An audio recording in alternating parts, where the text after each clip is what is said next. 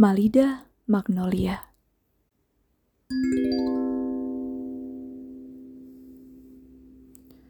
Bandara Soekarno-Hatta, Desember 2013. Bapak-bapak di penghujung usia kepala empat dengan perawakan jangkung, rambut cepak, badan kurus dan berkacamata sedang berjalan menyusuri lorong marble. Sang bapak tampak bergegas mengikuti arahan panah yang menunjuk tulisan International Arrival, kedatangan internasional. Bapak itu mengenakan jaket bomber berlogokan gurat garis biru hijau yang mengilustrasikan langit dan laut dengan sembulan awan putih di tengahnya, serta tulisan kapital tercetak di bawahnya, BMKG. Semerbak bau kopi hitam yang terlampau mahal untuk dompet sang bapak menguar, membuat lelaki paruh baya itu menghidup pasrah. Dia sakau kafein. Tapi kopi bukan tujuan utamanya sekarang. Ada sesuatu, seseorang yang lebih penting dan harus didahulukan. Orang yang paling dia cinta sedunia. Kaki si bapak melangkah cepat ke arah pintu ganda kaca. Layar informasi di sana-sini telah mengedipkan barisan status arrival yang on time, termasuk maskapai yang baru saja tiba dari langit Dubai. Transit tunggal setelah lepas landas dari Bandara Internasional John F. Kennedy, New York. Penerbangan yang sedari tadi diperhatikan oleh si bapak. Tidak lucu kalau pesawatnya tiba on time, tapi si bapak malah jemputnya ngaret time. Kebiasaan orang Indonesia. Ayah!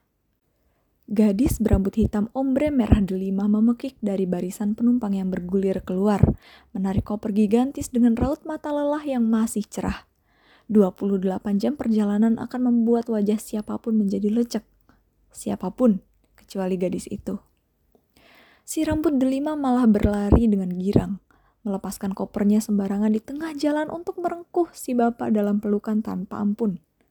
Gadis itu membuat sang bapak terhuyung dalam pelukan, lalu mereka berputar tiga kali, bagaikan sedang berdansa.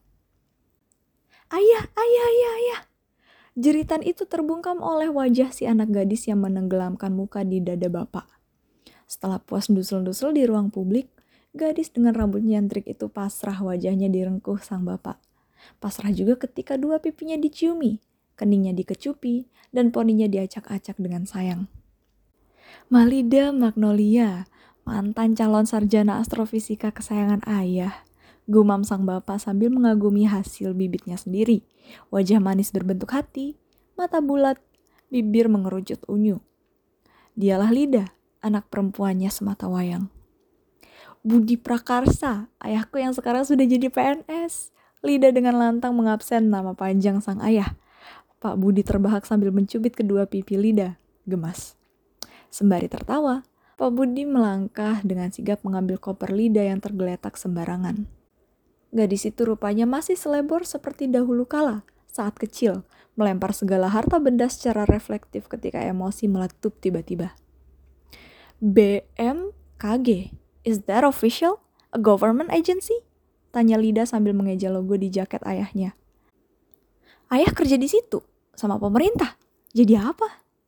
Cecaran pertanyaan itu hanya dijawab tawa ringan oleh Pak Budi. Iya, iya, dan iya. Lah kamu sendiri kan bilang tadi ayah jadi PNS. Pak Budi berucap santai sambil mulai menggeret koper lidah. Diikuti anaknya yang mengekor dengan setia. Eh ya, aku kan cuma dengar dari Om Mul kalau ayah udah jadi PNS. PNS-nya di mana, jadi apa, kerjanya ngapain. Nah itu aku belum tahu. Lida mengimbangi langkah ayahnya dengan gesit. What's it stands for anyway? BM Badan Meteorologi, Klimatologi, dan Geofisika, jawab Pak Budi sigap. Senyum banget terselip di wajahnya. Wow, Leda membulatkan mulut. Ayah kerja di mananya? B-nya, M-nya, K-nya, atau G-nya? Pak Budi melirik si anak gadis singkat. So misterius. Coba tebak, katanya. Lida memincingkan mata, menatap wajah ayahnya, lalu menengadah menatap langit seolah meminta petunjuk. Saat itu mendung, namun Lida tahu hujan tak akan turun. Ayah aku ada di... Ah, pasti kanya nih, klimatologi, ya kan? Betul, Pak Budi mengacungkan jempol dari tangan kiri yang bebas. Oh ya? Wah, seriusan ya? Yeay! Lida memekik riang sambil berlari. berputar di lorong luas dekat drop zone utama beberapa puluh meter dari parkiran mobil tujuan mereka. Hear that Jakarta, ayahku kerjanya keren banget. Jerit Lida dengan puas ke parkiran lepas. Pak Budi semakin terbahak akan tingkah laku putrinya. Kamu ini girang sekali, Lida. Seperti tidak habis drop out dari program astrofisik terbaik se-US saja. Celutukan itu membuat Lida menghentikan gerakannya. Bibirnya mengerucut. Gadis itu berkecak pinggang.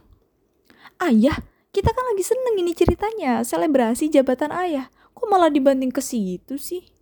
Pak Budi tertawa maklum sambil menyusul langkah anak gadisnya. Pria itu hafal betul. Semakin lebar senyum yang dipamerkan Lida, maka semakin pedih luka yang berusaha dia tutupi. Selalu begitu, sedari dulu. Maaf, maaf, kamu mau cerita? Sambil makan di luar yuk, ayah pengen ngopi. Mendengar kata kopi, mata bundar Lida berpijar kembali. Gadis itu mengaut lengan ayahnya yang bebas, menuntun Pak Budi memasuki parkiran mobil. Tak tampak dari gelagatnya bahwa seorang Lida, gadis 19 tahun dengan rambut nyentrik itu, yang baru saja menginjakan kaki kembali di tanah air itu, baru saja melewati tahun tersulit dalam hidupnya.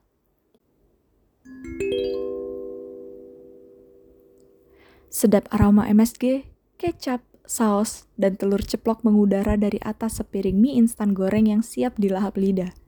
Gadis itu dan ayahnya sedang melipir di warung kopi pinggir jalan, mengobati rindu sekaligus mengisi perut.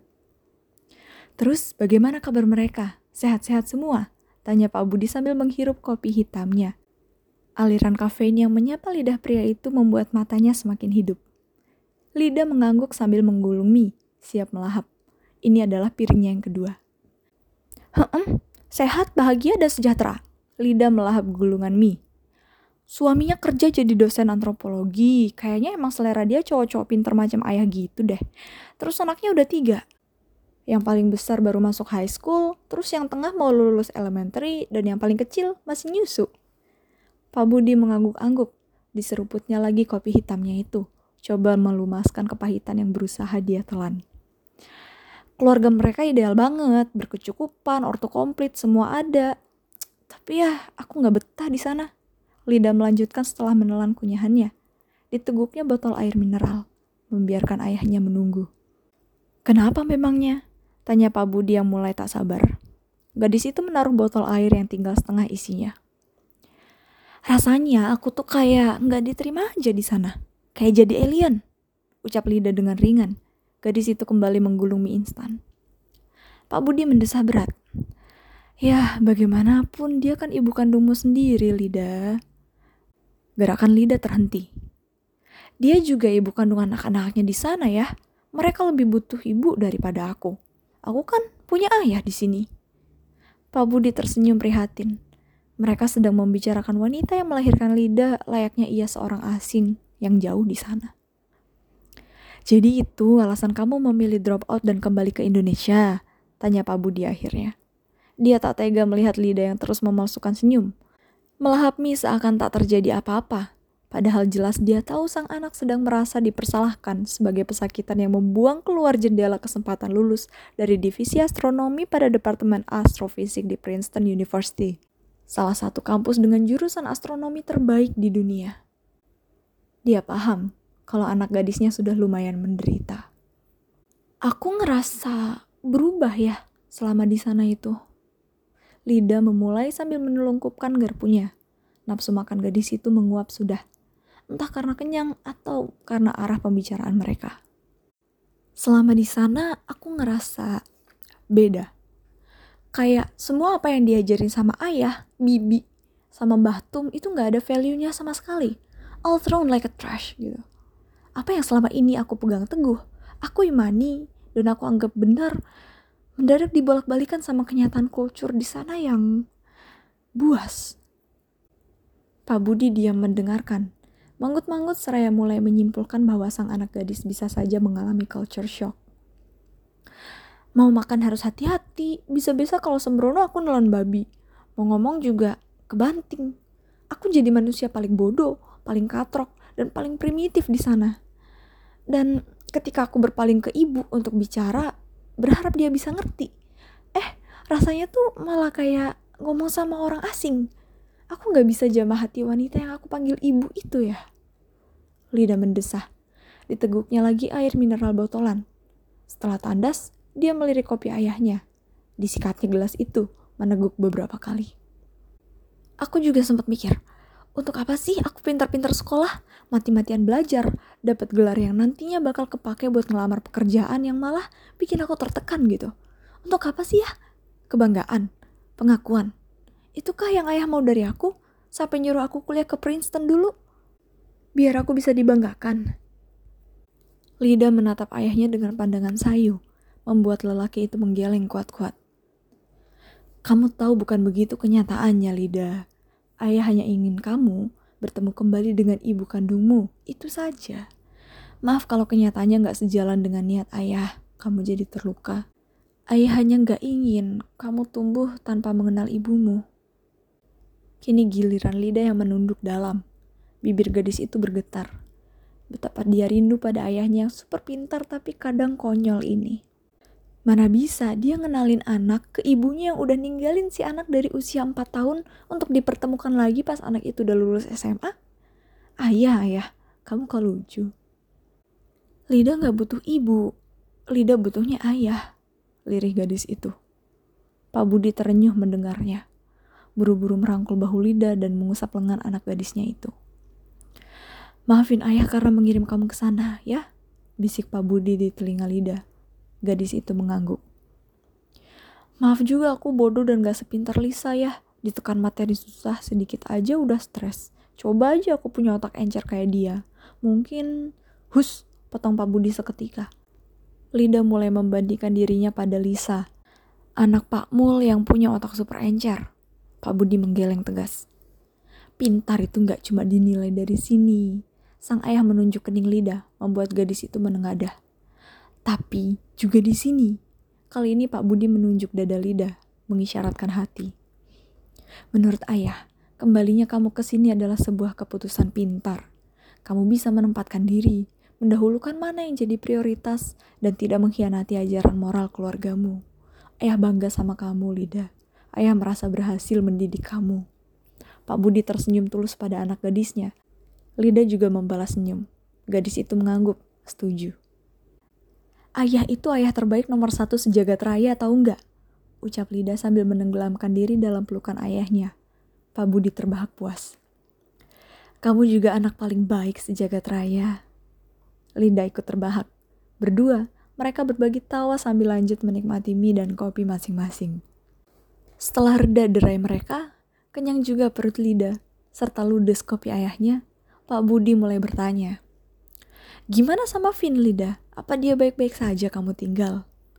Phineas adalah pacar Lida yang sering mengirimi surel dan video call lewat Skype pada Pak Budi, mengabari sang ayah tentang kabar anak gadisnya ketika si rambut delima itu sok sibuk dengan kehidupan di sana. Cowok bule bermata hazel dan berambut serta janggut brunette itu, sependek pengetahuan Pak Budi, adalah support sistem mujarab bagi Lida. Di luar dugaan, Lida malah mendengkus. Aku sudah putus sama Phineas, ayah. Loh, kenapa? Dia baik sekali kelihatannya, ujar Pak Budi tak terima. Ya, yeah, well, no. He knocked someone up, ucap Lida tanpa selera. Pak Budi mengernyitkan dahi. Knock apa? Dia nonjok orang. Berantem maksud kamu? Ih, bukan. Lida mendesis gemas. Dia itu ngehamilin anak orang. Pak Budi menahan napas sedetik. Ya, ucapnya. Setidaknya dia nggak ngehamilin anak ayah. Lida langsung tersedak kopi yang diam-diam dicurinya. Oh, ayah? Pak Budi terbahak. Rupanya menertawakan derita bisa meringankan beban batin. Lida menggeleng sambil lanjut menandaskan kopi ayahnya. Setelah puas tertawa, Pak Budi kembali bertanya. Apa rencana kamu ke depannya, Lida? Kamu mau tinggal di sini sama ayah? Gadis yang ditanyai melayangkan pandang keluar jendela yang terbuka, ke arah jalanan yang padat dan macet, ke gedung-gedung tinggi yang berlomba-lomba mencumbu langit. Terakhir, pandangan Lida berhenti ke langit yang kelabu gelap, tertutup polusi udara, menelan bintang-bintang yang menjadi tak kasat mata. Gak mau, jawab Lida pendek. Di sini sumpek ayah. Pak Budi terkekeh. Lantas maumu bagaimana anak? Lidah mendongak, berusaha melihat bulan yang harusnya terang tiga perempat, tapi jadi kelabu, juga ditutup polusi. Aku pengen ke tempat yang langitnya terang. Aku mau ke Pandalungan ya, nemenin Bahtum. Dia masih sendirian kan di sana?